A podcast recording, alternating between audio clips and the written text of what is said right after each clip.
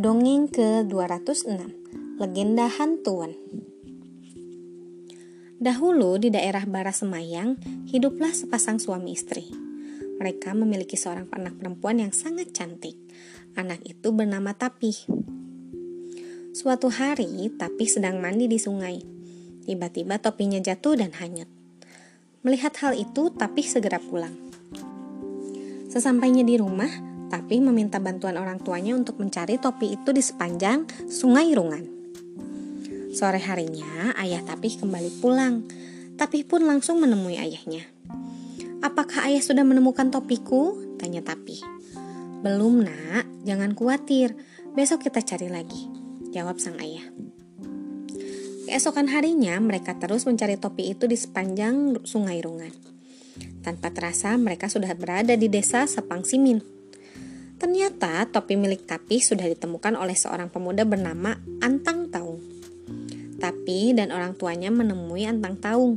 Sebagai tanda terima kasih, orang tua Tapi memberikan emas kepada Antang Taung. Namun pemuda itu menolaknya. Sebagai gantinya, Antang Taung meminta Tapi untuk menjadi istrinya. Permintaan itu pun disetujui oleh orang tua Tapi. Akhirnya upacara pernikahan digelar. Sesuai adat, pengantin yang baru menikah harus tinggal di rumah kedua orang tua mereka secara bergantian. Namun, Antang Tahun dan Tapih merasa keberatan. Alasannya, untuk pergi ke desa Antang Tahun dan Tapih harus melewati hutan yang lebat. Mereka pun mencari ide agar adat itu tetap dilaksanakan. Akhirnya, mereka membuat jalan antara desa Barasemayang atau desa Tapih dengan desa Sepangsimin, desanya Antang Taung. Ketika sedang membuat jalan, ada kejadian aneh. Setiap hari selalu ada barang atau makanan di, di gubuk pekerja yang hilang dicuri. Akhirnya, para pekerja mempunyai ide untuk menjebak sang pencuri. Keesokan harinya, mereka pun pura-pura pergi bekerja seperti biasanya. Sebenarnya, para pekerja itu bersembunyi di semak-semak dan mengawasi gubuk mereka. Tak lama kemudian, datang seekor landak Landak itu masuk ke dalam gubuk sambil menggoyang-goyangkan tubuhnya.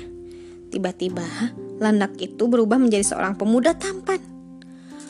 Melihat hal itu, para pekerja langsung menangkap makhluk jadi-jadian itu. Ampun, tolong jangan sakiti aku, teriak makhluk itu. Rupanya kau yang mencuri barang-barang kami. Kau harus dihukum, kata seorang pekerja.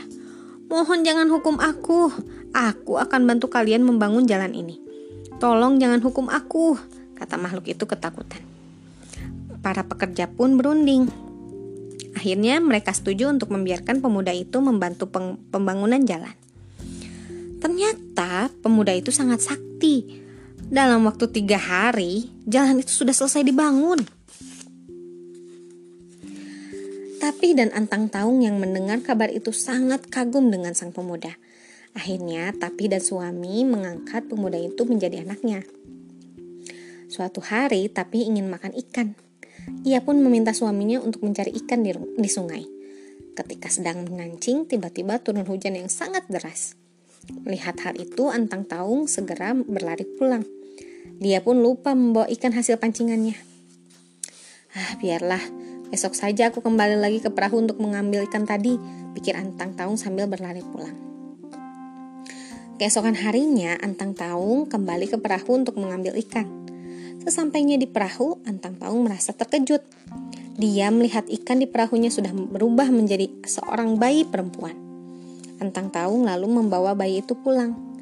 Dia dan istrinya memutuskan untuk mengangkat bayi itu sebagai anak.